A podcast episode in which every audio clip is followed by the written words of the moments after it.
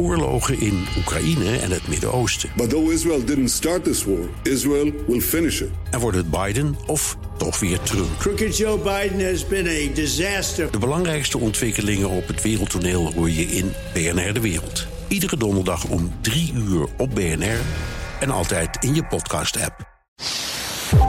Welkom bij de Technoloog nummer 151. Herbert, welkom. Hey, Ben. Als gast hebben we Benny Mols, uh, filosoof, ook gepromoveerd in, in de natuurkunde en technologiejournalist. Benny, Wetenschaps- en technologie. Wetenschap en technologie, ja. hartstikke goed. Mooi, welkom. Dank je, dank je. Uh, ik heb jou ontdekt toen jij dat verhaal had gemaakt met Axel Plaat over Alpha Zero. Of was het Alpha Go? Dat weet ik eigenlijk niet meer. Um, ik denk allebei eigenlijk. Ik heb over, nee. over zowel AlphaGo als Zero. Alpha Zero geschreven. Ja, maar dat ja. was naar aanleiding van Zero. Toen hebben we Axel Plaat ook uitgenodigd. Iedereen terugluisteren. Of was het ook weer? Zero was, was de meer geavanceerde. Hè? Zero was de computer die behalve Go ook kon schaken en ja. shogi kon spelen. En binnen een paar dagen veel beter dan uh, de beste mens. Ja, en dat vond ik voornamelijk mooi dat dat zelflerende, dat reinforcement learning erin. En dat ze heel snel leerden. Dat vond ik fascinerend. Ja, dat is het ook. Oké, okay, uh, we hebben je uitgenodigd omdat we het gaan hebben over hoe slim kunstmatige intelligentie is. Of hoe dom. En hoe slim mensen zijn of hoe dom mensen zijn. Toch? Dat is. Ja, ja daar gaan ja. we. Ja. En je had een artikel geschreven. Ik wil graag met die vraag beginnen, want iedereen gaat eraan voorbij. Maar ik dacht, daar wil ik de diepte graag over ingaan. En, en, en daar schreef je in, hoe komt het dat technologische... Dus mijn vraag is, hoe komt het dat technologische innovaties... de drijvende kracht zijn van economische groei? Dat ja, de, ja, ja dan moet je, moet je eigenlijk... Ja, het heeft met kunstmatige intelligentie te maken. Redelijk wat eeuwen terug in de, in de geschiedenis gaan. Maar uh, laat ik zeggen, in, in, in de 15e eeuw was China dominant. En hoe komt het nou dat in de eeuwen daarna het Westen dominant is geworden? Ja, en historici die uitgevonden, hè? letterlijk. Nou ja, historici die onderscheiden een aantal factoren. Maar twee daarvan is wetenschap en geneeskunde. En wetenschap als spin-off natuurlijk allerlei te technologische innovaties. Ja. En ik denk dat de, de, de onderliggende rode draad is eigenlijk altijd dat technologie ervoor zorgt dat mensen efficiënter en effectiever kunnen werken, kunnen produceren, diensten kunnen verlenen. Ja, dus door technologie heb je meer efficiëntie, heb je minder kosten, waardoor er economische groei komt. Uh, dus komt, heb je minder groei. Dat is één.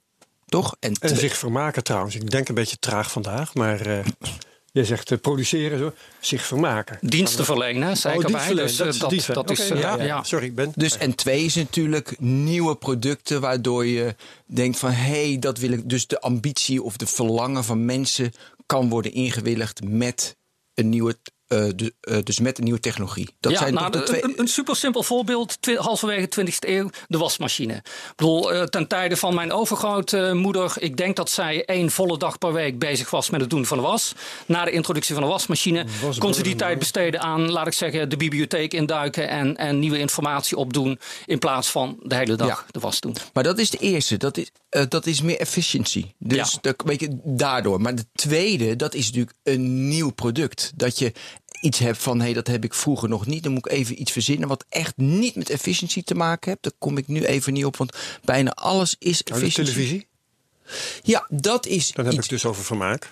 Ja, ja, televisie totaal niet. Maar zelfs een auto, nou ja, het, het, sneller reizen. Dus ja. ja het, het, het, internet, uh, kijk, je, je kunt het plat slaan en zeggen... het is alleen maar sneller informatie tot je krijgen. Maar het, het zorgt er natuurlijk ook voor dat je veel meer bronnen... tot veel meer ja. bronnen toegang hebt. En het is vaak ook een combinatie van, hè Ben? Want de auto is voor een deel uh, productiever worden... maar het is ook voor een deel uh, uitjes. Ja. Vakantie. Precies.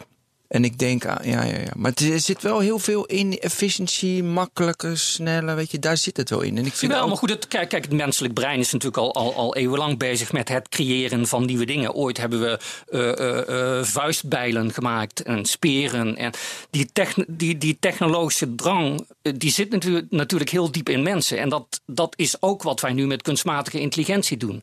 We gaan proberen om die kunstmatige intelligentie bijvoorbeeld te gebruiken om sneller of andere uh, uitvindingen te doen. Ja, maar ja, je moet met ik denk met die vuistbel, hey, denk ik, hey, dan gaat de jacht makkelijker. Weet je, dus ik probeer. Ja. Maar dus sla ik wel alles misschien te veel plat. Dus dat moet ik niet doen. Nee, ik zie meer van je hebt een kunstmatige intelligentie en ineens heb je een kunstobject of een op. Nou, dat was interessant. Dat Alpha Zero, waar we mee begonnen, die had oplossingen die de mens Ja. nooit had kunnen Ja, verzinnen. precies, Nou, precies. dat vond ik dus. Ja. Dus dan doet een technologie iets wat de mens helemaal niet, niet, kan. Ja. Nou ja, het boeiende is dus dat bij dat, dat Go-spel is eeuwen oud. Ehm, er is heel veel opgeschreven aan Go-kennis. En alle Go-masters die meekeken, die dachten ook van dit is een belachelijke zet. Ik, ik heb toen live meegekeken en ik zag dat gezicht van ja, dit, dit is belachelijk. Wat doet hij nu? En pas, pas vele zetten later en, en terugredenerend zag iedereen van dit is gewoon een geniale zet. En mensen hebben dat in eeuwenlang zich verdiepen in dat Go-spel. Hebben ze dat totaal gemist? Ja. Ja, ik eh, moet daardoor denken aan wat ik wel eens heb gelezen van een of andere schakende scribent of schrijvende schaker. Het kan Jan Hein Donner zijn geweest of Hans Ree of iets dergelijks.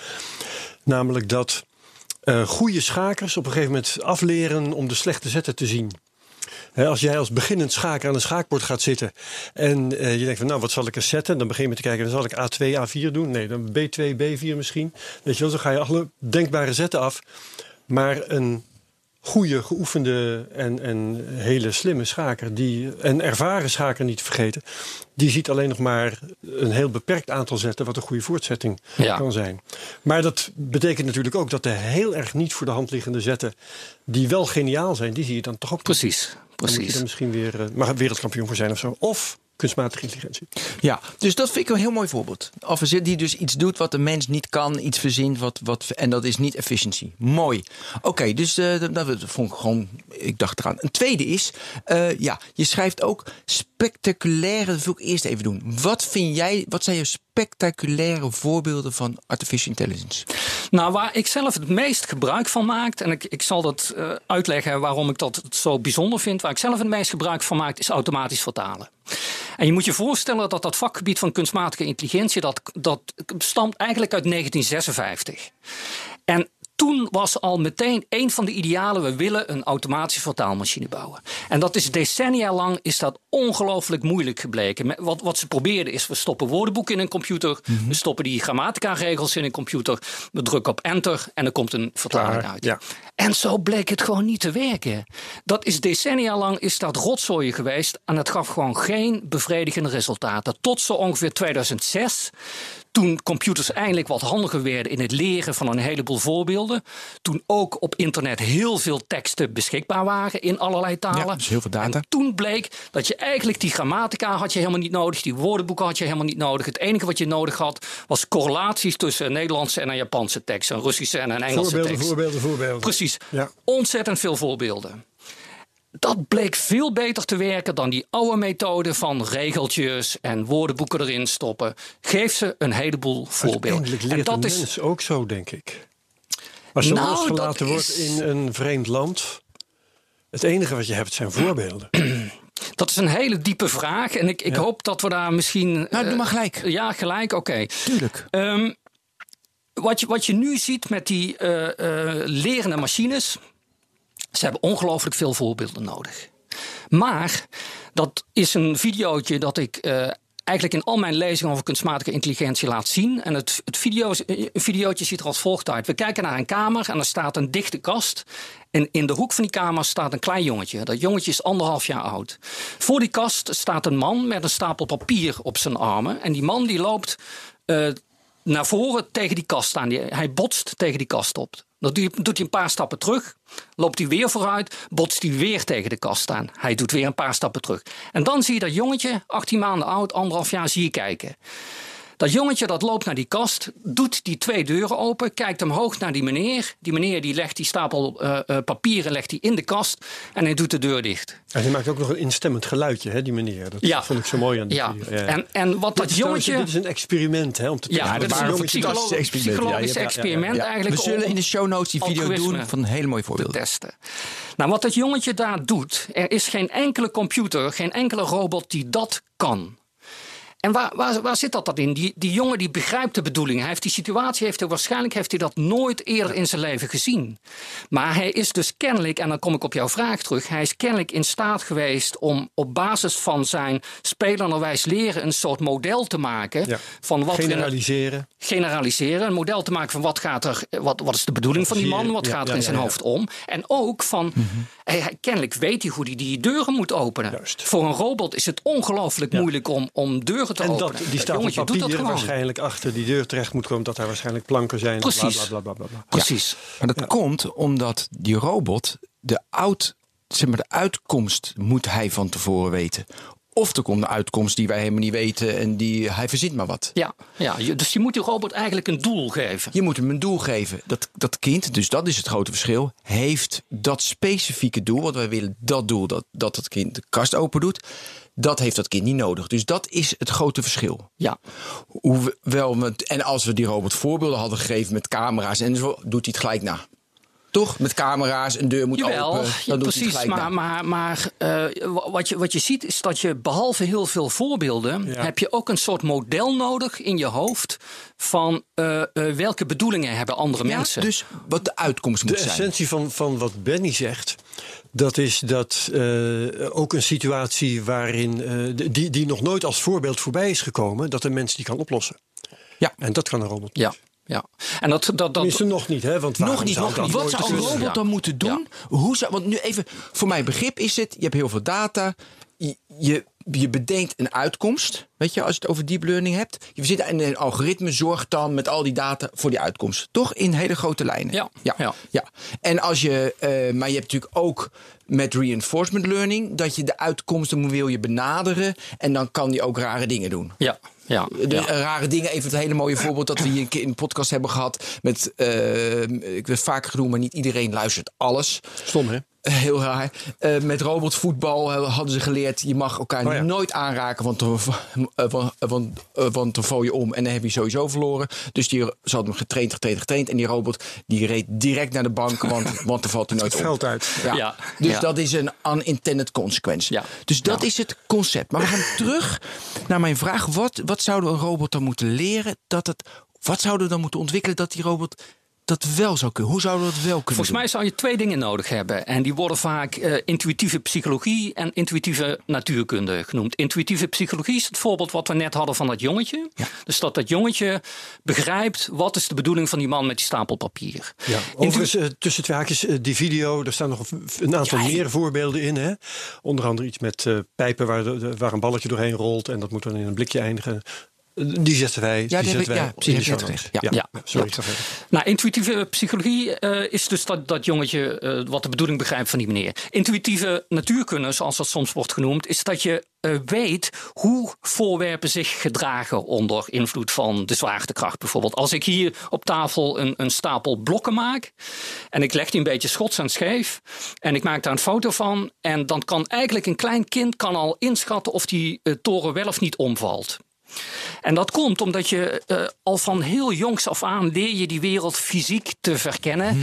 Je leert dat objecten ja, nooit op twee plekken tegelijk zijn. Dat objecten niet door muren heen gaan. Je leert een beetje ja, hoe snel objecten vallen. Dat, dat gaat allemaal met een soort patroonherkenning wordt, dat, wordt het gedaan. En uiteindelijk in een soort modelletje in je hoofd eh, gevat. En die twee dingen zou je ook bij robots eh, willen hebben. En weet je, ik heb eh, hier van tevoren over zitten nadenken.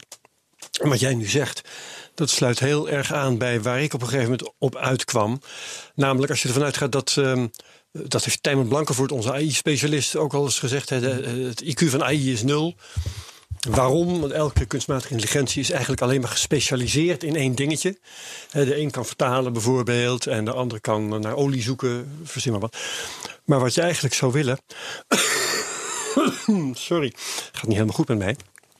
Wat je eigenlijk zou willen, dat is eh, dat elke blanco robot, elk, of, of, of, of computer of algoritme, of hoe je het ook wil noemen, dat die al gezegend is met al die achtergrondkennis die wij Ja, als tweejarigen al hebben. Precies. Dus op een of andere manier zou je eigenlijk eh, het niveau van een tweejarige, maar alle kennis van een tweejarige, Ja. die zou je bij elkaar moeten vegen over de wereld om ons heen. Inderdaad, hoe snel dingen vallen en al die dingen meer. Eh, wa- wat er achter deuren kan zitten en, eh, en wat, wanneer een deur een deur is. En dan uh, zou je daar vandaan zou je zo'n ding een vak kunnen geven en, en een specialisme trainen. Maar dan heeft hij al die basiskennis en al dat, nou ja, ik, ik zou zeggen, die menselijke intuïtie heeft hij al. Ja, dat, dat denk ik. In, in de biologie heb je vaak nature en nurture. En, en, nature is zeg maar de gene en nurture is, is je opvoeding. En eigenlijk zou je dat in, in robotica of in kunstmatige intelligentie zou dat ook moeten hebben. Je moet of een computer of een robot, die moet, wanneer die begint te functioneren, moet die al uh, wat, wat nature hebben, wat genetische informatie, wat kennis waarmee die meteen uh, vooruitgang. En daarbovenop gaan we hem al, allerlei dingen leren, de computer of de robot. Ja, ik wil nu al dus mam, omdat jij ermee over begon, weet je, je hebt natuurlijk, weet je, narrow, narrow AI, general AI en super AI. We praten heel veel over narrow AI. Dat is dat vertalen wat je zegt. Ja. Dat vertalen van dat, ja, prima. Um, weet je, en dan bij general AI, dan kan je dat toepassen op meerdere zeg maar, dat AI dat dat doet, kan je ook toepassen in je auto. Ja. Dat kan niet, maar, want dat is ook weer een narrow AI. Ja. Uh, hoe zouden we, dus jij zegt dat, maar hoe dan? Ik heb heel erg van hoe zouden dat dan, die, het, het gevoel... Wordt, uh, vanuit de wetenschap wordt er op sommige plekken in de wereld aan gewerkt. Onder andere bij Massachusetts Institute of Technology. En wat ze, waar ze daar bijvoorbeeld mee bezig zijn, is je hebt in de, in de gamewereld heb je Um, dingen die heten physical engines. En die zorgen mhm. ervoor dat al die karakters die in een game rondhuppelen, dat als die een of ander voorwerp gooien, dat dat ook een beetje realistisch lijkt. Mhm. Hè? Met, met zeg maar onze zwaartekracht, dan niet de zwaartekracht van, van de maan. Mm maar ze zijn bezig om te proberen dat soort algoritmen, dat soort game engines ook te maken voor die uh, uh, um, intuïtieve natuurkunde die ik net, waar ik het net over had. Dus als, als jij zo'n een, een, stapel blokken neemt, dan moet je eigenlijk heel snel kunnen inschatten, valt die om of niet. En je kunt dus proberen om in een algoritme zoiets te gaan vatten en dat je dat als basisinformatie geeft aan een computer. Dus dat je uh, Dat je computermodelletjes maakt van die intuïtieve psychologie, wat er aan andere mensen omgaat, die intuïtieve natuurkunde, hoe voorwerpen zich gedragen in de wereld om ons heen. En dat je ah. dat als basisinformatie geeft aan een robot. Dus je gaat natuurkundige wetten, bijvoorbeeld zwaartekracht, dat voeg je al toe. Ik denk even aan die Boston Dynamics robot die, die dan geslagen wordt door die hockeystick. Weet je ook een filmpje dat vrijwel is gaan. Dat zal ik ook in de show notes zetten. En dan nu weet je, auw, ik heb pijn en dan krimpt hij in één. Maar hij zou eigenlijk al, als die hockeystick omhoog gaat, zou hij eigenlijk al weg moeten duiken. Want hij weet van, dan wordt waarschijnlijk geslagen. Maar eigenlijk wil je dat, zonder formules doen. Hè? Kijk, een, een, kind kent ook de wetten van Newton niet. Of de, of de relativiteitstheorie van, van Einstein. Die, die, die gewoon heel intuïtief uh, kan een kind inschatten of zo'n stapel uh, blokken omvalt of niet. Daar gebruik je helemaal geen natuurkundige wetten voor. Dus je zou dat uiteindelijk uh, gaat dat wel op een of andere manier met patroonherkenning in het brein. Als jij, als jij in je auto rondrijdt en er steekt een voetganger over, dan maak jij razendsnel een soort inschatting van hoe snel rijdt mijn auto, hoe snel loopt die voetganger, uh, zit er een botsing aan te komen. Dat doe je niet met natuurkundige wetten. Nee, maar dat ja, sterker nog, als jij um, in een auto over straat rijdt en er staan een hele hoop geparkeerde auto's, zal een rijinstructeur in elk geval tegen je zeggen, dan hoor je zodanig te rijden alsof er achter elke auto vandaan een kind tevoorschijn zou kunnen hmm. komen. En bij mijn weten doen de zelfrijdende auto's van nu dat nog niet. Die kijken alleen naar wat er werkelijk in hun gezichtsveld ja, ja. verschijnt. En daar gaan ze dan vervolgens mee aan de slag. Nou, die leider van die Waymo, die, die, dus, uh, uh, dus daar zit radar in. Volgens mij kunnen die, dat hebben we toch ook een keer gehad. Toch... Maar dan nog, dan heb, dan heb je eh, een beter zintuig. Maar dan ga je nog alleen maar uit van wat je waarneemt. En niet van wat je niet waarneemt. Ja. Eh, wat ik nu zeg is, er zijn dingen waarvan je weet dat je ze niet waarneemt en die er misschien toch kunnen zijn. Ja, ja, maar ik wil even, ja, nee, oké. Maar ik wil even terug naar jou, Benny. Ik heette vroeger trouwens tot mijn twaalfde ook Benny, hè? Oh, maar dat, vond ik te kinderachtig. Dat heb ik mezelf Benny gaan noemen. Het, het, grappige is dat mensen die zoiets tegen mij zeggen... die zeg ik altijd, weet je, het verkleinwoord van tafel is tafeltje. Dat is ja. die tafel niet. Ja. Dus niet, niet is, niet is geen verklein. Nee, Benny, top. Oh, nee, maar waar ik dus naartoe wil is de... Uh, wat je zei, we kunnen het niet in de computer stoppen. Dus weet je, het moet intuïtief zijn voor die robot. Maar dat kan natuurlijk niet, want een robot blijft natuurlijk altijd tot nu toe, hè, wat jij denkt gelijk een superintelligence.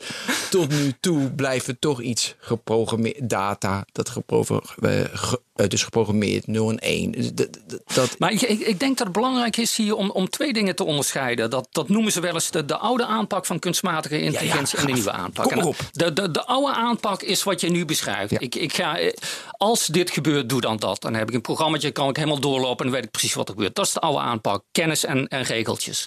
De nieuwe aanpak, zeg maar vanaf 2006 of zo, is neurale netwerken, een beetje geïnspireerd op het menselijk brein en leren van heel veel voorbeelden. Dat is de nieuwe aanpak. Positieve en allebei die aanpakken hebben voor- en nadelen. Het, het, het, het, voordeel van die oude aanpak is dat het heel transparant is. Je kunt vrij goed nagaan wat er gebeurt. Maar het nadeel is dat die oude aanpak heel slecht is in het leren van voorbeelden. Maar hij is wel beter uh, als het gaat om modellen. Oh ja, voorspellen van wat er gaat gebeuren. Ja. Terwijl die nieuwe aanpak die is heel goed in het leren van voorbeelden, maar die is heel erg slecht in transparantie. Je kunt heel moeilijk zien waarom precies een bepaalde beslissing wordt ja, genomen. Vraagt, waarom werd ik als sollicitant afgewezen? Als een kunstmatig intelligent programma dat heeft gedaan, dan kan niemand je uitleggen waarom jij bent afgewezen. Ja, ja. en wat er moet gebeuren is dat we die aanpakken gaan combineren. Ja, maar eerst nog even over de, over de de neurale netwerken. Het tweede is natuurlijk dat er altijd uitzonderingen zijn. Ze proberen een optimum te bereiken die die nooit ziet. Ja, die, weet je, die ene kat ziet er net zo uit dat je niet ziet. Dus dat is natuurlijk het tweede nadeel. Combineren. Hoe gaan we dat combineren? Nou, om een praktisch voorbeeldje te geven, dat kwam ik laatst in een, uh, in een lezing tegen. Um, was een foto van de koningin van Engeland. Met dat Queen kroontje Elizabeth. op haar hoofd. Volgens mij dat diadeem of zoiets. Maar mm -hmm. laten we het kroontje noemen. Koningin met kroontje. Als je dat aan uh, um, uh, patroonherkenning geeft aan een computer. Hij ma de computer maakt dat ervan vrouw met badmuts. Kijk, dat kun je oplossen door gebruik te maken van die oude aanpak van kunstmatige intelligentie. Dan zit daar kennis in, dan zit er redeneren in. En dan uh, uh, zou het systeem kunnen zeggen van nee, uh, dat is geen vrouw met badmuts. Nee, ik weet dat uh, dit de koningin van Engeland is. Ik weet dat die kroontjes kunnen hebben. Dit is een koningin met een kroontje op haar ja, hoofd. Ik snap het niet, want op dit moment zijn er dus tienduizenden mensen in India die voor Facebook, die voor TomTom aan het annoteren zijn. Dit is een kroontje op een hoofd. Dus ja. de, daarom kunnen de grote techbedrijven winnen met, met, met, met AI. Want ze hebben de meeste mensen die annoteren. Hoe kan dat dan? Kunnen die annoteerders weghalen dat het wel kan met. Um, dan, dan, dan ga je eigenlijk een heleboel kennis die wij al hebben ga je uh, op de oude manier programmeren. Dus dat, dan krijg je een soort boom van kennis. Uh, uh, koningin is een vrouw. Koningin kan een kroontje hebben. Koningin is het staatshoofd van een land. Dat ga je echt expliciet in regeltjes programmeren. Ja. Zoals dat decennia lang is gebeurd. En als je dat dat, dat is ook arbeidsintensief. Maar ja, die, die annoteerders waar je het over hebt, dat is ook arbeidsintensief. Ja. Maar dan heb je wel het voordeel dat je wat, wat algemenere kennis, wat modelmatige kennis kunt gebruiken voor het interpreteren van, uh, van bijvoorbeeld afbeeldingen. Waar wordt dat gedaan en wat zijn de voorbeelden? Dat is nu pas aan het opkomen. Je ziet nu pas in de wetenschap dat die twee een beetje bij elkaar beginnen te komen.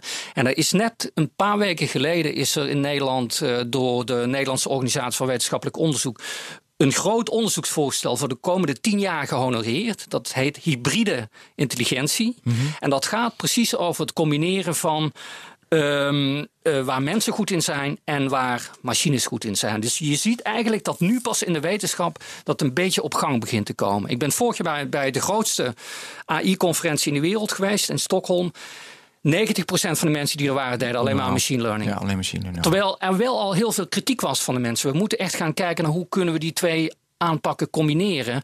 Maar in de wetenschap begint dat dus nu pas van de grond te komen. En dat betekent dat dat in de toepassingen ja, echt nog wel even duurt. Ja, maar dat, um, jij schetst nu een uh, nieuwe AI die dan een combinatie is van de twee oude. Hè? De, de oudere en de meer recente.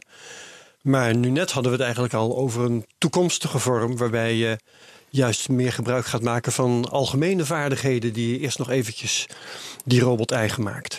Dat, dat uh, ja, zijn nee. we nu al aan het vergeten, of niet? Ja, precies, nee, precies. Want nu zijn we eigenlijk. Uh, ja, dus hoe komen we dan bij de intuïtieve? Dat is weer de volgende stap. Of zit dat er. Nou, daar, daar, daar gaat bij. Um, laat ik zeggen, dat, dat is een aparte onderzoekstak die je ook nodig hebt. Als je, als je aan mij zou vragen, wat hebben we nou nodig om general intelli- intelligence te bereiken, dan zou ik zeggen: we hebben nodig die oude aanpak van de AI. We hebben Ja. nodig die nieuwe aanpak met het leren. En die hebben we allebei al, dus daar Die kunnen we hebben de voorlopig daar aan kunnen doen. we Ja, mee gaan. Maar we hebben ook, ehm, eh, laat ik zeggen, een soort aangeboren vaardigheden nodig. Waar we het net over hadden. Hè? Die, die, die Hmm. En dat is zo nieuw dat we dat nog eerst toch even helemaal moeten ontwikkelen. Denk ik, of niet? Ik denk dat je dat gewoon parallel moet, eh, moet doen. maar dat, Maar- Dat, dat staat nog echt letterlijk in de kinderschool. Precies. Letterlijk en figuurlijk. Precies. Kijk, de, de komende tien jaar, we, we kunnen echt nog zoveel halen uit die deep learning aanpak. Dat leren van die voorbeelden. Dat, dat gaat ons nog zoveel opleveren. Maar als wij het willen toepassen in, de, in ziekenhuizen, in auto's, dan moet het wel betrouwbaar zijn. Je wil niet hebben dat, een, dat, dat er een medische scan wordt gemaakt. Eh, en dat, die, dat, dat, dat de kunstmatige intelligentie die die scan interpreteert, dat die ehm, wel een, een scan van de, e- van de, van de ene apparaat eh, goed kan identificeren en van de andere apparaat niet.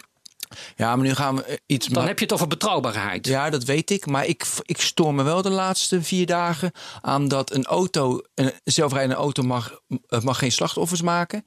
En een mens mag wel slachtoffers maken. En een arts die mag wel fouten maken. Maar een, eh, een AI dat een CT-scan leest, Ja. die mag geen fouten Ja, maken. ja. Daar vind- Daar stoor ik me verschrikkelijk aan. Ik, ik, ik ben met je eens dat je daar eh, ehm, dat het heel raar is om te zeggen van oké, nu we weten nu dat er 1,2 miljoen mensen per jaar om het leven komen bij auto-ongelukken. belachelijk. En meer dan 90% door domme fouten. En die domme fouten kun je trouwens nu al voorkomen. Daar hoef je niet een, een, een level 5 eh zelfrijdende auto voor te hebben. Daar heb je Nee, eh, alleen maar het al. En hetzelfde geldt natuurlijk ook voor, ehm, eh, voor de medische wereld. Ja. Maar wat, wat je dan volgens mij zou moeten hebben, is zoiets als evidence-based artificial intelligence. Evidence-based eh, geneeskunde. We gaan ook niet zomaar een pil op de markt gooien. We gaan eerst in allerlei fases gaan we onderzoeken. Ehm, Werkt het? hoe, hoe goed werkt het? Wat zijn de en als het gaat om kunstmatige intelligentie toepassen, gewoon thuis op jouw PC om foto's te ordenen, maakt het allemaal niet zoveel uit. Maar als jij bij, bij de dokter komt en je laat een diagnose doen, dan, nou, dan wil ik net als bij een pilletje, wil ik wel Ja. eigenlijk heel goed geverifieerd hebben dat, dat eh, die kunstmatige intelligentie zijn, zijn dat taak goed klopt. En dat autopilot op je auto veiliger is dan geen autopilot. Die evidence-based hebben we al lang. En dan toch gaan mensen nog eh, zitten zeuren. Dus dat is wel een andere kant. Even terug, want dit was even een zijstap, voor mij dan. Eh, over hoe krijgen we het voor elkaar dat dat intuïtieve van de mens, dus het, dat begrijpen van tevoren, wat je net zei, Mhm. dat moet worden toegevoegd. Ja. Hoe, eh, wat zijn daar ja, op, eh, eh, op, eh, op, eh, op MIT's-basis bezig, maar hoe Ja. krijgen we dat voor elkaar? Hoe, Ja, nou, kijk, als, als, als ik je hier precies zou kunnen vertellen hoe het moet, Dan dan, hadden we het al. Dan Nee, maar we het al even- opgelost. Hè? het is ook Dus, dus eh, ehm, wat, Oké, wat, je, wat, je, wat in ieder geval veel meer zou moeten gebeuren, naar mijn idee, is dat eh, kunstmatige intelligentie inspiratie haalt uit psychologie, uit de cognitiewetenschappen, Hmm. uit de neurowetenschappen. Want heel veel mensen die die AI ontwikkelen, dat is al heel lang zo, traditioneel zo, die zijn sterk in wiskunde en natuurkunde. En nou ja. Herbert heeft een achtergrond in natuurkunde, ik ook. Dus ik, ik hou daarvan. Maar dat zijn hele mathematische achtergronden. En we moeten echt meer gaan kijken naar hoe werkt dat nou bij baby's, bij peuters, bij kleine, kleine kinderen. Daar inspiratie uithalen en dat proberen na te bootsen in computers. Op dezelfde manier zoals zeg maar, die neurale netwerken die we nu gebruiken, die zijn ook geïnspireerd op hoe het menselijk brein. Losjes, maar toch, daar komt heel veel inspiratie uit. En is daar dus dat al- is heel erg nodig. Is daar al iets over bekend wat je daarvoor nodig hebt? Heb je daar speciale hardware voor nodig? Of nog veel krachtiger, hard, snellere chips? Of misschien wel software die volgens andere principes is gemaakt? Nog weer Ja. anders dan de neurale netwerken? Kun je daar iets van zeggen? Enig idee? Ja, nou ja, ik, ik, ik weet dat ze ehm, bij het bouwen van een soort ehm, eh, eh, van, van een algoritme dat iets kan doen in de zin van die intuïtieve psychologie, die intuïtieve natuurkunde. Daar wordt bijvoorbeeld gebruik gemaakt van die GPU's, die Graphical Processing Units. Dat, dat, is, dat is één richting. Een andere richting, maar die staat ook nog in de kinderschoenen, is dat je afstapt van het digitale karakter van onze huidige chips. Ah ja. En gaat kijken naar eh, chips die analoog zijn en echt gewoon letterlijk geïnspireerd zijn op de bedrading. Dat is ons brein immers ook. Hè? Zo kan je daarmee over En dat, vertellen. dat biedt onder andere als voordeel dat het, dat het veel energie uh, zuiniger uh, is. Want nu zit je Hmm. vaak met, met informatie die moet op, moet op en neer gaan tussen, tussen de geheugeneenheid en de processing unit. En Ja. het kost allemaal ontzettend veel Voor energie. verstook je een kilowatt. En om een voorbeeldje te geven, die, die AlphaGo computer eh, en ook AlphaZero. Die verbruiken dus in de orde grootte 100.000 100.000 keer zoveel energie als jouw en mijn brein. Dat is waanzinnig veel energie. En, en Google kan staat dat voor, kwam ik betalen. ergens tegen in de documentatie, 20 watt. Dus een heel ja, klein klopt. peertje. Ja, Eh, m- menselijk brein is het, het 20 watt inderdaad zo'n klein Ja, gloeilampje. en een eh, gamingcomputer is meteen wel, eh, efficiënt. 1000 watt. Ja, ja. En kijk, Google, fantastisch, zij kunnen dat betalen. Ja. Maar ja, we kunnen niet Nog niet. overal In, in heel Nederland een huiskamer zo'n zo'n eh, AlphaGo-computer neerzetten. Nou ja, we lenen 50 miljard, eh, daar krijgen we geld toe en we geven ieder. Nee. Ehm, even over de analoog. Kun je daar iets typen, eh, dus op een andere manier? Dus zoals, Ehm, is daar onderzoek naar? Waar wordt Ja, dat, dat, dan dat, nou, oh, ik, weet, ik heb ooit een, een hoogleraar uit Heidelberg geïnterviewd. Die, daar, die het echt al gemaakt heeft. Die heeft gewoon zo'n siliciumplaatje vol met eh, zo'n brain-inspired eh, chip, zoals dat eh, heet. Die zijn heel energiezuinig. Maar ze zijn het, het is lastig om ze te programmeren. En het is ook nog lastig om ze voor allerlei toepassingen te begrijpen. Maar wat voor materiaal is het dan? Het, het is hetzelfde. Het is nog hetzelfde. steeds silicium. Ja, Alleen op een andere manier gemaakt. ja, precies. Op een andere manier gemaakt. Niet meer digitaal met nullen en enen, maar echt analoog. Op een beetje op de. Ja, voor, voor het tijdperk dat er Ja. eh, eh, eh, elektronische computers waren, waren er eh, analoge elektronische computers. Of zelfs mechanische computers. Ik Waarbij die- dus gewoon eh, sterkere lichtintensiteit levert een grotere spanning op. En grotere zekerheid levert een grotere met, spanning op. met en- continue signalen in plaats van 0-1. Ja. En 0-1 heeft het voordeel dat je, als er een foutje opsteekt, kun je heel makkelijk corrigeren. Dat is bij zo'n analoge veel moeilijker. Maar je kunt wel eh, eh, veel meer parallel werken. Net zoals het menselijk brein. Als een paar neuro- neuronen kapot gaan, een paar hersencellen kapot gaan. Niks who cares? ja. Eh, dat, is, dat is ook een groot Maar voordeel van zo'n vraag vind als je het zo gaat doen, is krijg je dan ook computers, noem ik ze dan toch maar eventjes heel ouderwets, die zich eh, kunnen vergissen en die dingen kunnen vergeten. Zoals wij mensen ook heel veel. Ja, ja, ja, kijk, als je het precies zo wil doen, wel natuurlijk. Maar ik, ik zou zeggen, wa- wat, wat we niet willen is... aarzelen, zoals... eh, ja. We willen niet precies ons menselijk brein nabootsen. We, we willen het eigenlijk beter doen. We willen eh, misschien wel naar die Mhm. We superintelligence waren toe. altijd zo blij met die computer. Die konden weliswaar andere dingen dan wij kunnen, maar ze konden het wel heel goed.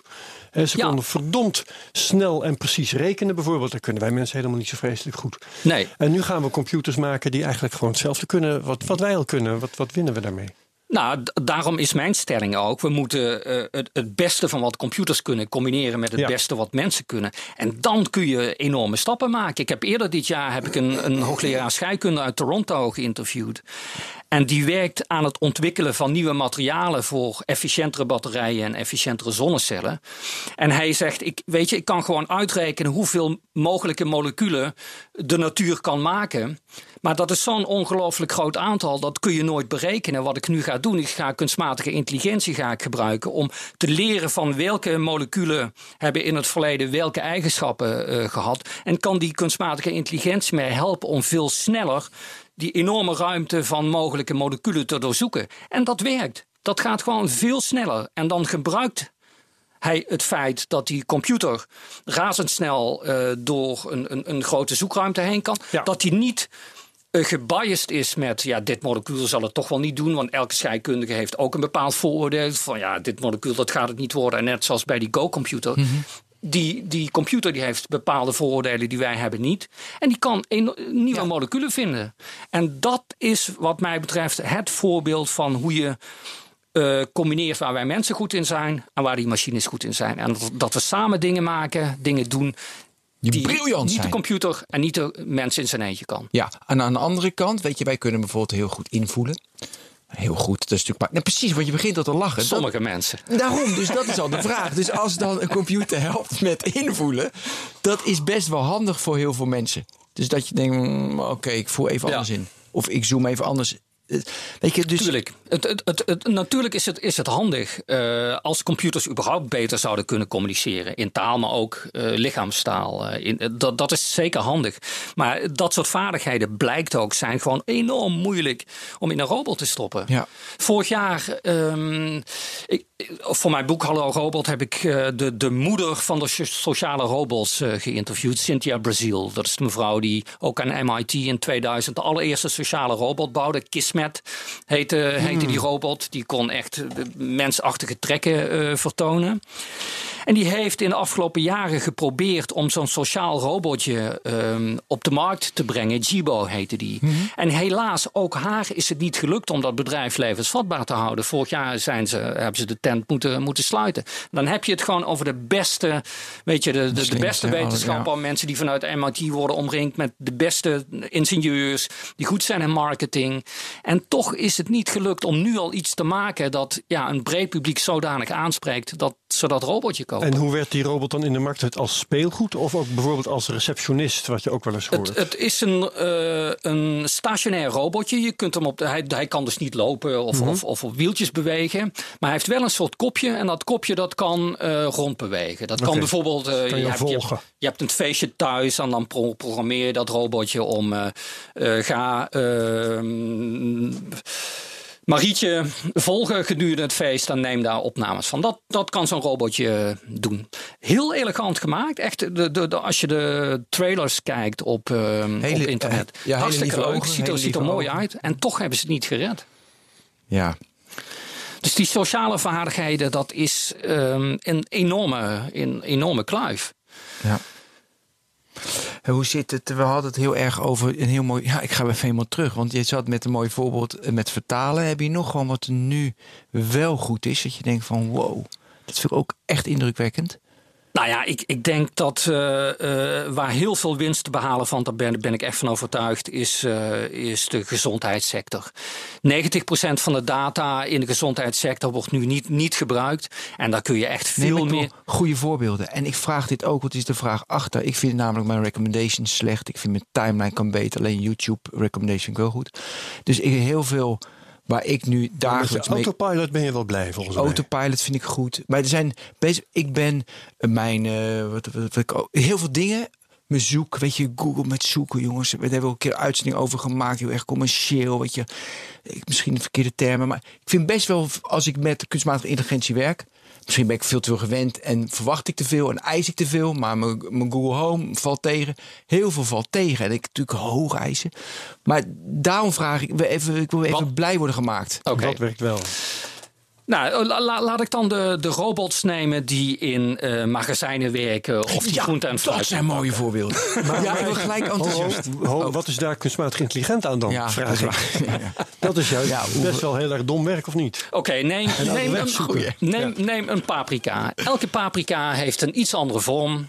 Dus de een ene is hard, de andere is zacht. De ene heeft een eh, enorme bruine plek, de ander niet.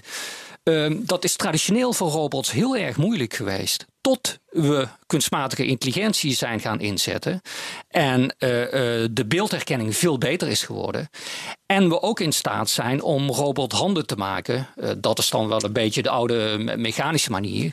Maar als je dat combineert, je maakt hele goede robothanden. Je hebt hele goede herkenning. Dan gaat dat enorm veel vooruit.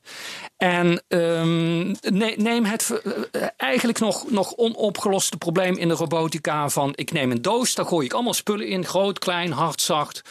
En dan wil ik een robothand hebben die al die spullen netjes oppakt en in een andere doos stopt. Ja. Ja, dan heb je Nou, echt Amazon- die menselijke intuïtie nodig bijna. Hè? Ja, en Amazon heeft een Amazon Picking Challenge al jarenlang georganiseerd. Die jongens uit Delft hebben die Precies, stoel dat wou ik zeggen. Ja. En dat, daar zit enorme vooruitgang in. Ja. Ze kunnen met die robothand kunnen ze gewoon veel meer eh, voorwerpen hard, zacht, groot, klein pakken dan, dan vroeger. En dat is gewoon superhandig in, in, in magazijnen eh, om Ja. dat in te zetten. Hebben we het probleem opgelost? 100%? Nee. Maar we zijn zo ongelooflijk veel verder dan nou, tien jaar geleden, durf ik wel te zeggen. Ja, maar de mensen hebben natuurlijk wel heel veel hoop. Weet je, dit komt Ja, ook. Mensen ja. denken van, het gaat allemaal gebeuren, gaat allemaal gebeuren. Eh, waarom hebben mensen dat nodig? Dat die hoop er is. Dat is alleen maar heel erg positief. Ja, Vol- nou ja, volgens mij is het, is het ten eerste is het een hele diepe behoefte van mensen om machines te maken die op zichzelf lijken. Nog voor de uitvinding van een computer en een robot zie je dat in talloze verhalen en in de literatuur zie je dat terugkeren. Dus kennelijk zijn we altijd gefascineerd geweest door het ja, creëren van leven uit niet levende dingen. Dat is één. En ik denk twee, dat met de opkomst van computers en robots hebben we gezien wat ze allemaal heel erg goed, eh, goed kunnen. En als je dan probeert te projecteren wat wij mensen goed kunnen in zo'n machine. En ook beseft dat de machine nooit moe wordt en allerlei andere nadelen van mensen niet heeft. Ja, dan, dan ga je al snel fantaseren over machines die het veel beter doen, die veel intelligenter zijn dan, dan, dan mensen. ja. Dus de mogelijkheden nemen gewoon gigantisch toe wat, wat we kunnen doen. Eh, hoe moeten wij ons opstellen tegenover robots, vind jij? Wat moeten wij zelf als mens veranderen? Kijk, ik moet bijvoorbeeld voor mezelf altijd leren van... ja, het is nog niet perfect. Het is, weet je, jongens, kom op, Ja. het, is een, het is een beta, het is beta, het is beta. Dat heb ik altijd in gedachten. Oefenen, trainen. Nou ja, misschien moet je wat minder uitgaan van de machine die jou volledig vervangt. Maar eh, veel meer probeert te zien als, als die samenwerking. Mensen, ik bedoel, als jij eh, op een feestje mensen tegenkomt. eh, ja, de een bevalt je niet om die reden, de ander bevalt je niet om die reden. De, met, met de een heb je goede klik, de ander niet. Ehm, we, we verwachten ook niet van alle mensen precies, precies hetzelfde. Ik zou zeggen, probeer nou te waarderen waar die machines heel goed in zijn. Simpel voorbeeldje. Mijn vrouw is Poolse. Ik kom al heel lang in Polen. Ik heb cursussen Poolse taal gevolgd. Ik kan een beetje praten, ik kan het verstaan. Maar als ik een e-mailtje wil schrijven in het Pools naar mensen daar, ja, dan mijn schrijfvaardigheid is echt te klein. Dus ik gooi gewoon een Nederlandse of een, of een Engelse tekst gooi ik in, in Google Translate, druk op de knop, en dan komt het uit. Ik, ik gooi dat niet blind in de e-mail. Ik kijk er even naar en denk van, ah, nee, dit woord is toch niet wat ik bedoelde. En, en nou, hier zie ik een verbetering. Ja, briljant. Maar wat ik uiteindelijk opstuur, is vele malen beter dan wat ik in mijn eentje had kunnen verzinnen. Ja, en ook ja, ja, ja. echt beter dan wat Google Translate ervan heeft gemaakt. Is het 100% perfect? Nee, nee. maar- Maar het helpt wel. Het, het, het helpt enorm. Ja. Ja. Ehm, we, we, eh, als het gaat om wat we ons voorspiegelen of wat ons voorgespiegeld wordt, vind ik altijd een geweldig voorbeeld de huishoudrobot. Ah, ja. Die ons in de jaren 60 al werd voorgespiegeld in de vorm van eh, Rosie, de robot van de Jetsons. En er wordt ook genoemd in het boek, dat trouwens wel, eh, mag ik wel zeggen, hè, aanleiding is dat wij hier bij elkaar zitten. Want eh, jij maakt ons attent op het boek van Gary Marcus, waarvan de titel me even ontschiet, maar jij weet het wel. Rebooting AI. Ja, Building artificial intelligence that we can trust. Ja, kritisch boek over AI. En hij noemt ook die Rosie the Robot. En mijn vraag aan jou is: kun jij nou onder woorden brengen waarom dat nou eh, al 50 jaar niet lukt met die huishoudrobot? En trouwens ook met de zorgrobot, wat in feite hetzelfde is. Nou, er- zijn twee dingen aan. Eén is zeg maar het lichamelijke deel. Het is heel Ja. erg moeilijk om van, van keiharde eh, materialen, van metalen, van plastics. Drempels, tapijt. Ja, om iets te bouwen dat zo. Dat je zo goed kunt manipuleren als een menselijke hand. De menselijke hand is zo gevormd dat ik elk object kan ik heel Oh, ik makkelijk dacht trouwens al dat vastpakken. je voortbeweging in een huis bedoelde. Want dat Nou, is al zo. Een trap, Ook, weet je wel? Precies, een trap. Niveauverschillen. Ja. Dus de, de, de fysieke component is één ding. En het andere eh, aspect is wat, wat gezond verstand heet. Dus een heleboel Ja. kennis die wij als mensen al heel jong opdoen. Eh, als ik een glaasje water neem en ik laat dat vallen, dan valt het glas kapot, het water loopt weg. Dat staat niet op internet, dat staat niet in encyclopedie. Dat heeft mijn vader of moeder me nooit verteld. Dat heb ik gewoon geleerd door te zien en te spelen. Dat is een beetje die, die gezond verstand kennen. En die twee dingen samen. Eh, die hebben machines nog steeds niet in die mate dat we ze kunnen toevertrouwen om eh, jouw huis eh, schoon Ja, te maken. En trouwens, dat doen we aan denken. En volgens mij hebben we dit ook wel eens besproken met uh, Tijmen Blankenvoort. Ja, kan best. In de je nummer wil gaan 2 zeggen. bijvoorbeeld. ga dat nog maar eens opzoeken. Ehm, ik, want we hebben het nu over dit soort menselijke intuïtie. Eh, toekennen aan robots. Hè. Hoe gaan we dat doen? Hoe gaan we dat erin stoppen? Zodat ze daarna verder kunnen met een of ander eh, eh, specialisme. ja, Ehm, maar we hebben intussen het hele idee van robot gealgemeniseerd. Als wij het nu hier over een robot hebben, denken we niet meer aan die Rosie met pootjes en armpjes en zo en een hoofd. Maar denken we eigenlijk aan wat vroeger zeiden we: kan een computer, puntje, puntje, puntje. Wij stellen ons bij een robot nu eigenlijk gewoon een computer voor zonder lichaam. En mijn vraag is dan eigenlijk. Die menselijke intuïtie, waarvan heel veel aspecten voor ons te maken hebben met het feit dat we armpjes en beentjes hebben. Waar kun je komen en waar niet? Waar kun je bij en waar niet? Wat beweegt op een manier dat wij daar last van hebben en wat niet?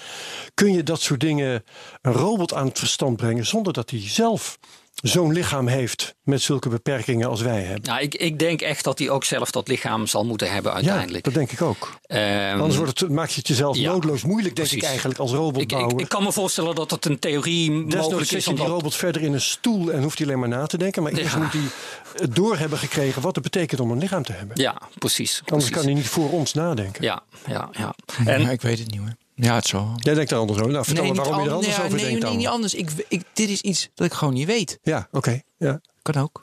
Maar ben we, hebben, we hebben natuurlijk van die prachtige, prachtige video's van Boston Dynamics. Hè, Ja. Met al die, die, die big dog op vier ja, poten. waarvan je en- trouwens achteraf dan hoort dat ze 25 takes nodig hebben gehad om een ja, overtuigende ja, video te maken. Maar dat maar is het, het is qua, qua mechanica is het heel bijzonder. Wat ze, zo- zo'n big dog, zo'n zo'n lopende hond. Ja. je, als je daar een duwtje tegen geeft, is Ja, hij super stabiel. Maar ik vind ook die man die die salto maakt. Ik zeg man, die robot die die salto maakt. Ja. Ja, ja. ja, zeker ach- achterover zo'n zo'n salto. Maar hij heeft ook hij heeft een enorme accu op zijn ik rug. wil- hè? ja, precies. Voor de, blo- nee, maar waarom ik het niet weet, Herbert? Omdat ik dacht van je kan toch alles uiteindelijk modelleren. Dus gewoon, weet je, een hele super intelligence. Dus je modelleert gewoon, weet je, simultaan Ja. heb je gewoon een, een, Ja. een kopie. Dus ik dacht van Maar ja, een robot met, met ledematen en dergelijke, die kan het echt begrijpen, denk ja. ik dan. Nou ja, Ja. dat, Dat betekent dat daar je komen we niet uit. minder- Dat- je, Misschien om toch nog hebt. terug te Ja. komen op jouw vraag van positieve voorbeelden. Ik heb een keer een lijstje gemaakt van ehm, eh, wat kunstmatige intelligentie en robotica kan bijdragen aan de 17 eh, doelen van de Verenigde Naties. Gaaf. Dus zo'n lijstje Oh. met, Ja, ja, met eh, ja. Sustainable, Sustainable Development, eh, Goals. En echt bij elk van die, van die uitdagingen, laat ik zeggen, armoede. Eh, bestrijden, hè? armoede bestrijden in de wereld. Kun je wel een toepassing van robotica en kunstmatige intelligentie bedenken. Dus je kunt je voorstellen dat je eh, kunstmatige intelligentie gebruikt om tractoren uit te rusten met, eh, met veel betere manieren om onkruid te spuiten. Dus alleen op plekken, plekken waar het nodig is. Of drones in te zetten om te kijken van waar moet ik, waar moet ik nou, zo, zo heb je eigenlijk bij elk van die, eh, eh, laat ik onderwijs misschien nog even, even noemen. Er zijn natuurlijk talloze plekken in de wereld waar ze een enorm tekort hebben, waar überhaupt geen leraren zijn.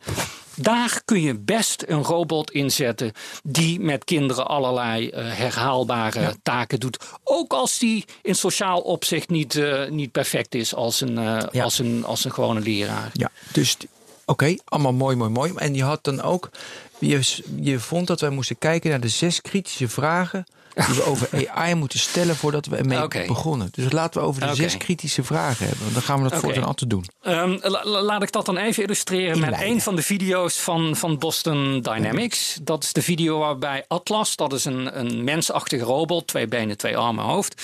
Gewoon ook 1,70 meter hoog of zo. Atlas springt over obstakels heen. Een of andere balk, hij beklimt, eh, bekl- beklimt een enorme trap. Het ziet er ook heel spectaculair uit. De volgende vraag is van hoe, hoe eh, algemeen is dat? Als ik die balken een beetje verplaats, doet Ja. hij het dan nog? Nee, dan doet hij niet meer. Ah, ja. Als ik die balken verplaats, kan hij het niet meer. Hij is echt geprogrammeerd om dat ene parcours goed af te leggen. En dat doet mij dan weer denken aan wat ik ook wel eens heb gezien. Want er is zo'n eh, DARPA Challenge voor, eh, voor robots. Ja. Dat is ook mooi. Amerikaans Pentagon met hun eh, nieuwe technologie-eenheid, die DARPA. Ehm, daar eh, kun je dan vaak zien hoe een robot dat eh, een bepaald parcours succesvol heeft afgelegd. Waarbij ze dan ook een trap op moeten en een deur open Ja. moeten doen. En allemaal van dat soort dingen. Iets oprapen. Uit een auto stappen is ook een hele mooie. Heel dat. soort dingen. En ehm, je kunt dus zien hoe ze dat succesvol doen. En dan blijkt je vaak achteraf te horen dat, eh, dat ze die video met een factor 10 hebben moeten versnellen. Anders dan beweegt het gewoon helemaal niet. Zo Ja. langzaam gaat het ook. Maar het mooiste daarvan vond ik wel dat ze wel eens een compilatie hebben verspreid op YouTube. van alle keren dat er zo'n robot op zijn gezicht gaat. En dat is heel erg mooi, want dan zie je hele bijzondere dingen. Namelijk dat zo'n robot absoluut niet kan vallen. Die valt als een dronken man, namelijk hij verliest zijn evenwicht en van, op dat moment verstart hij en ploft hij gewoon lang uit neer. Zonder bijvoorbeeld met zijn hand zijn, val te breken, bijvoorbeeld. Weet je wel. Dat is al iets uniek, tot nu toe uniek menselijks. Wij breken onze val, bijvoorbeeld. Dat is ook weer die intuïtie. En ehm, ze kunnen ook niet opstaan. Ja. Ze moeten, moeten dan weer door mensen overeind gezet worden, want anders functioneren ze niet. En dat, dat zo'n videootje van ja, wat niet de bedoeling is van zo'n robot, maar toch gebeurt. Dat is heel illustratief voor de beperkingen van robots. Ja, dus, dus om terug te komen op die Ja, zes. ja. zes eh, Oh ja, ja die Boston Dynamics, eh Ja. moet, de parcours is Wat ik wil illustreren is de, de vraag die je eigenlijk zou moeten stellen als je die video ziet. Eerst moet je zeggen van wauw, ontzettend tof dat we dit kunnen. Dit, dit kon de robotica 20, 20 jaar geleden niet. Mhm. Maar de vraag die je dan inderdaad moet stellen is, als ik die balken anders neerleg, kan die het dan nog? En als het antwoord daarop nee is, dan laat dat in ieder geval zien dat de, de- wat veel mensen denken van wauw, die robots. Wat, kunnen ze toch veel tegenwoordig? Ja, Ja. weet je, morgen staan ze hier voor de deur. Ja. Nou, die, door die vraag te stellen en het antwoord erop te weten, weet je dat dat. Zover zijn we dus nog Nee. niet. Sterker nog, als ik het licht ga dimmen in die, in die ruimte, of ik verf de muren zwart, dan kan die robot dat ook niet meer. Nee.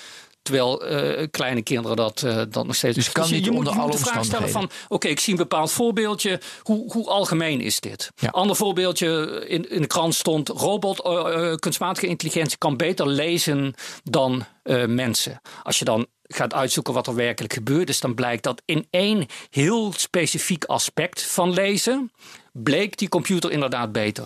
Maar als het gaat om begrijpend lezen van een heel verhaal, dat ik gewoon elke vraag kan stellen over dat verhaal die ik maar wil, Ja. dat, kunnen, dat kunnen ze. Dus dat soort vragen moet je dan gaan, gaan eh, stellen. Maar- Robuustheid is een andere vraag. Ja. Nou, daar hebben we het al een beetje over gehad. Van, eh, vaak zijn die, die, die lerende systemen ook best makkelijk te foppen. Als ik een auto vol plak met allemaal stickertjes, dan denkt de kunstmatige intelligentie ineens dat het een flamingo is. Maar ehm, dit soort dingen kunnen wij mensen eh, altijd heel makkelijk vinden. Hè. Waar faalt de technologie? En ik moet dan weer denken aan de periode dat de robot, eh, de computer, zeiden we toen nog, leerde schaken. Hè. In het begin kon je eh, elke een beetje geoefende schaker kon een schaakcomputer inmaken. Nou, dat was vrij snel gebeurd. En toen was het nog zo dat elke een beetje ervaren grootmeester kon een schaakcomputer inmaken. En overigens kon je ook aan de stijl heel makkelijk zien: hé, hier is een computer bezig. Nou ja, om een lang verhaal kort te maken, in 1997 won de computer van de wereldkampioen. Met andere woorden, je kunt de altijd de beperking nog wel vinden. Ja, Ja. Maar eh, elke beperking is vroeg of laat verleden Ja, tijd. ben, ben, ben, ik, ben ik helemaal mee eens. Dus eh, wa- wat je ziet is dat op, op korte termijn wordt zo'n technologische eh, breakthrough vaak overschat, maar op de lange termijn onderschat. Dus het Ja. gaat natuurlijk komen. Dat precies. ik- Jouw DARPA-man die omvalt, die zich het zelf niet opvangt nu. Dat doet ja, programmeren doet Overigens, hij morgen wel. Over drie om jaar. terug te komen op jouw schaakvoorbeeld. eh, ehm, Twee jaar geleden heb ik Gary Kasparov hier in Amsterdam geïnterviewd. Oh, leuk, ja. En dat was echt geweldig. En wat ik, wat, Mooie ik man, zo, hè? wat ik zo mooi vond, is dat hij, hij is in 97 is hij verslagen door die computer. Ja. En hij worstelde er nog steeds mee. Het Serieus? zat hem Ah, nog dat- steeds dwars. Dat vind ik wel Dat vind ik zielig. wel raar. Want Nou, kom op man, Nou, grow als je up. toch eh, dat vak volgt en ziet hoe wat een hoge vlucht het daarna nog heeft genomen. Natuurlijk. Ja, blij Ben dat je geslagen bent. Dan vond ik de reactie van, ik dacht dat het Hans Ree was, eh, eigenlijk mooier. Van, eh ziezo, dit hebben we nu gehad. Nu, zijn we gewoon, nu kunnen we gewoon weer volgende verder. We kunnen ja. gewoon weer Nou, lekker met elkaar gaan schaken. Het- Ik denk dat het punt toen niet zozeer was dat hij verslagen was door de computer, maar de manier waarop dat ging. IBM heeft dat, heeft dat enorm hoog ingezet. En daar, Ja. daar heeft hij heel veel psychologische stress van gehad. Weet je? Hij voelde zich alsof hij in zijn eentje de mensheid moest Het gaan verdedigen. Ja, dat gebeuren. was een, En vreemd, natuurlijk, dat, hij zei ook, weet je, ik ben blij dat het is gebeurd. En, en eh, hij schreef een heel boek over eh, wat hij ervan van geleerd heeft. Dus hij is daar zeker heel positief over. Maar wat hem dwars zat, was volgens mij die psychologische worsteling. Eh, Ja. Ja, ja. Het is een mooie man trouwens, Kasparov. Hij is nu politicus, stelt zich te weer tegen Poetin en zo, steekt zijn nek uit. Dus Ja. niks dan lof. Ehm, Waar waren we? ja, ik wil ook weten of we, of we nu, weet je, ik hoor al vier, vijf, zes jaar, we gaan exponentieel groeien en eh, het wordt heel anders. Hoe zit, is het laatste vier jaar lineair of zitten we echt in de exponentiële groei? Of de, Ehm, ik, ik denk eigenlijk dat zo vanaf, eh, vanaf 2012 kun je zeker wel een, een exponentiële groei zien. In, laat ik zeggen, het aantal start-ups dat deep learning technieken eh, gebruikt. Maar ik denk wel dat je de komende jaren ook wel weer een afvlakking gaat zien door een aantal van de beperkingen die we, die we aan bod hebben gehad. Aan de andere kant we hebben ook alweer iets heel nieuws gekregen in, in 2014. En dat is dat je met, die, uh, met diezelfde soort technologie kun je computers ook hele nieuwe dingen laten bedenken. Dus niet dat, niet dat die van voorbeelden gaat leren, maar dat je die netwerken gaat gebruiken om nieuwe dingen te creëren. Dus dat heeft het nieuws wel gehaald. Een computer kan um, foto's fabriceren van mensen die er als een beroemdheid uitzien en die dat helemaal niet zijn. En dat is iets heel nieuws. Dat, dat hebben eh, computers echt gewoon heel lang totaal niet gekund. Artificial celebrity. Ja, artificial celebrities maken. Nou ja, dat is één voorbeeldje. Je kunt dat in video's gaan toepassen. Je kunt dat in uh, het ontdekken van nieuwe materialen gaan, uh, gaan toepassen. Dat is, dat Hoe is... doen ze dat, die artificial... Uh... Ja, het heet, de technische term is Generative Adversarial Networks. En het zijn eigenlijk twee netwerken die je tegen elkaar laat spelen. En het ene netwerk is geprogrammeerd om um, als een soort vervalseldienst te doen. Die moet zo goed mogelijk, laat ik zeggen, een schilderij van Van Gogh proberen te mm. maken. Mhm. En het andere netwerk is geprogrammeerd als een kunstdetectief. Die moet proberen om die vervalser te ontmaskeren. Het is een beetje de strategie waarmee AlphaZero groot werd. Um, hebben ze dat tegen zichzelf, of, ja, nou, tegen zichzelf ja, spelen? Ja, ja, klopt. Ja, tegen zichzelf spelen, inderdaad. Dat, dat gebeurt daar ook. Dus dan laat je twee netwerken tegen elkaar. De wapenwetloop van bij wijze van spreken de virussen en de security mensen. Ja, en dan zie je dus dat, dat het ene netwerkje gaat steeds realistischere afbeeldingen maken. Ja. En dat wordt, ik heb, ik heb laatst een Nederlandse kunstenaar geïnterviewd die dit gewoon gebruikt om nieuwe kunst te maken. Niet volledig door de computer. Hij laat de computer dingen, nieuwe dingen maken en hij gaat daar zelf een selectie op toepassen. En dan krijg je ook weer zo'n soort van mens-machine samenwerking. Maar dat, dat is iets wat in 2014 is dat voor het eerst gepubliceerd. 2017 was dat voorbeeld met die artificial celebrities. Dat is iets, een hele nieuwe tak van die kunstmatige intelligentie, die denk ik nog veel gaat opleveren. Ja, dus ze zitten toch exponentieel. Ik wil ook nog even, want we hebben aangetipt aan General AI. Weet je wat je nodig hebt, dat bij elkaar brengen. En, eh, en het, hoe, hoe, dat is natuurlijk het tweede. Maar goed, daar zijn ze mee bezig. Ook nog even naar super intelligence. Hoe kijk je daar naar super AI? Um, ik, laat ik zeggen, op sommige terreinen hebben we al super, super AI. Ik bedoel, die, die schaakcomputer, die Go-computers zijn in specifieke dingetjes, zijn ze al veel ja, maar beter. dat noemen ze wel beter dan Wat is de definitie van super AI? Ja, nou ja, wanneer ze mensen in die specifieke taak verslaan. Maar als je het hebt over, over super intelligence, ja, ja, Boston general intelligence, algemene intelligentie en dat op een super manier, dan ja, dan zou een computer of een robot gewoon alles moeten kunnen wat wij mensen ook kunnen. En dan wordt het daarna vrij snel heel veel beter. Omdat ze bepaalde. Dat, dat zij niet moe worden en wij wel. En wij allerlei vooroordelen hebben en zij niet. Dan heb je de singularity eigenlijk al te pakken. Ja, precies. Ik moet zeggen dat, ik, dat ik met dat idee heb ik, heb ik nogal wat uh, moeite. Uh, omdat als je heel goed gaat kijken naar wat je er allemaal voor nodig hebt, dan zijn we daar zo ontzettend ver vandaan.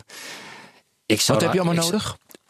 Nou ja, ten eerste heb je een, een uh, moeten we een systeem creëren dat, dat gewoon net zo slim is als menselijke intelligentie. Daar zijn we nog ver van, vandaan. Wat je vervolgens nodig hebt, dan moet het zich ook zelf nog veel slimmer uh, uh, kunnen, kunnen, maken. kunnen maken. Het moet in zijn eigen energie kunnen voorzien. Um, weet je, je hebt een heleboel stappen nodig om daar te komen. Ja. Ja, en als we nog niet eens Rosie de Robot thuis hebben, dan is dat, niet. dat wel nee. een heel en, en zolang het alleen maar een doos is die daar staat en zoomt... en niet een mannetje met pootjes ja, of vrouwtje... Met, uh, kunnen we ook altijd nog de stekker eruit trekken. En hebben wij dus de macht. Ja, ja, en dan gaan mensen natuurlijk altijd zeggen van ja, als hij echt slim is, dan leert hij ook wel om, om uh, daar onderuit te komen. Om ja. te zorgen dat jij die stekker er niet uit om kunt Om zodanige functies te hebben dat we eigenlijk niet kunnen missen. Wat met Ja. de meeste computers eigenlijk al het geval is. Dus ik trek me terug wat ik net zei. Maar goed, weet je, wat, wat ik net al zei, we staan als, als, als samenleving hebben we allerlei problemen op te lossen als het gaat om ongelijkheid, als het gaat om uh, armoede, als het gaat om onderwijs. Mijn insteek is, laten we kijken hoe kunnen we die machines, computers en robots gebruiken om dat soort, dat soort hele praktische problemen op Ja. te lossen. Want jij wilt de, de gezondheidszorg nog noemen. Die vond jij belangrijk. Ja, om, omdat ik, ik, ik denk dat dat een heel goed voorbeeld, voorbeeld is waar mensen zich ontzettend veel zorgen maken om hun privacy, privacy van data, en niet beseffen hoe weinig we op dit moment doen met al die data. En ik ben er echt van overtuigd dat als we dat wel kunnen doen, als jij inderdaad data, medische data, die gewoon in ziekenhuizen zijn, van over de hele wereld kunt combineren, dan kun je wel allerlei hele zeldzame ziektes aan, aanpakken die nu niet aan te pakken ja, zijn. Maar dan moet je me even, eh, even uitleggen hoe dat dan gaat. Dus mijn persoonlijke data ligt in een ziekenhuis. Dat wordt helemaal geanonimiseerd, neem ik aan. Ja, nou, ja, ja, maar uiteindelijk dat, dat, dat is inderdaad wat je. Precies. Dat bestaat niet. Nee, precies. Want uiteindelijk kunnen ze dat altijd weer herleiden. Dus hoe doen we dat, dat dan? Nou ja, wat, wat, ik dan zou, zou willen doen is dat je um, data van allerlei ziekenhuizen in de wereld kunt combineren. En dan, dan zeg ik wel, ja, dat moet je, moet je wel zo goed mogelijk anonimiseren. En dan kun je zeggen van ja, weet je, misschien komt het ooit, ooit naar boven. Maar dan moet je een soort kostenbatenafweging gaan maken. Dan moet je dus gaan zeggen van wel oké, doen. Okay. je moet dat natuurlijk wel doen. De encrypten, noem maar allemaal precies, Dus, maar dus precies. wel doen. En wel dat, doen. Ja. En, en, dan, heb je... dan heb je heel veel informatie, ook over vrij zeldzame ziektes. Kijk, in Nederland alleen, uh, laat ik zeggen, een ziekte die eens op de 100.000 voorkomt, dan heb je weet ik wat hoeveel gevallen in Nederland. Je wilt dat natuurlijk combineren wereldwijd. En dan kun je gebruik maken van de kracht van die data om erachter te komen van ja, welke genetische varianten hangen daarmee samen. Hoe kan ik kunstmatige intelligentie gaan gebruiken, gebruiken om een betere diagnose te stellen, om, om betere oplossingen aan te bieden, betere medicijnen. Ja, dus nu wordt die Daar data. heb je heel veel data voor nodig. Ja, nu wordt die data heel erg beschermd vanwege privacy. Maar jij zegt toch je moet een afweging maken. Maar die je, afweging natuurlijk moet je, dus moet je aan die uit- privacy werken. Maar je moet een afweging maken. De baten zijn volgens mij zoveel groter dan de kosten. Ja, dan moet je niet eh, voor de eeuwigheid een rem op, eh, op gaan zetten. Nee, maar dan wil ik toch nog een ander soort waarschuwend woord spreken, als ik even mag. Ehm, namelijk, je hebt privacy, dat is een van de gevaren, maar er is wel meer dan dat. Jij, jij noemt nou toevallig de medische sector, dus daar blijf ik even.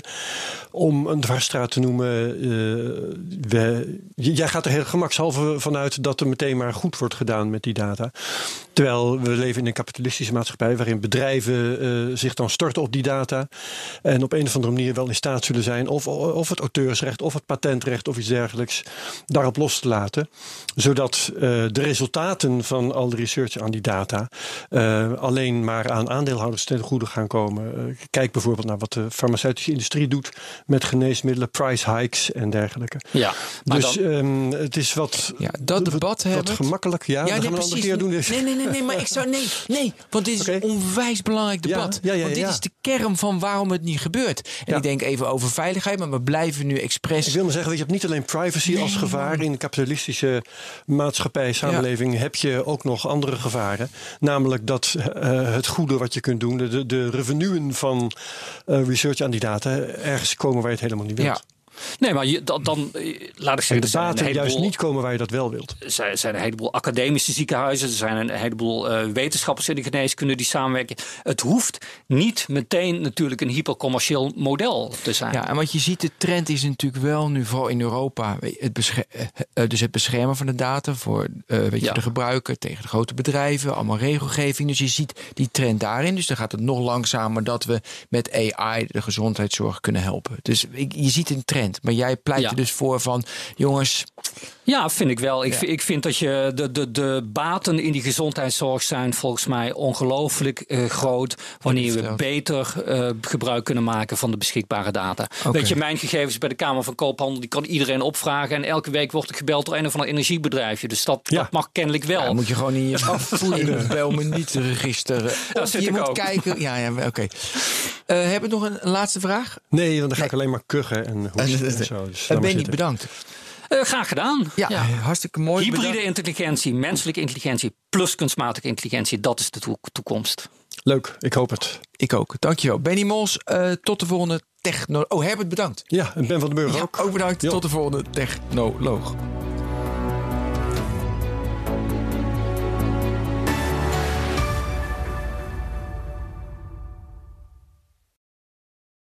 Ook Diana Matroos vind je in de BNR-app. Ja, inderdaad. Je kunt live naar mij luisteren tijdens de Big Five. Ook handig in de BNR-app. Breaking nieuwsmeldingen, maar ook het allerlaatste zakelijke nieuws.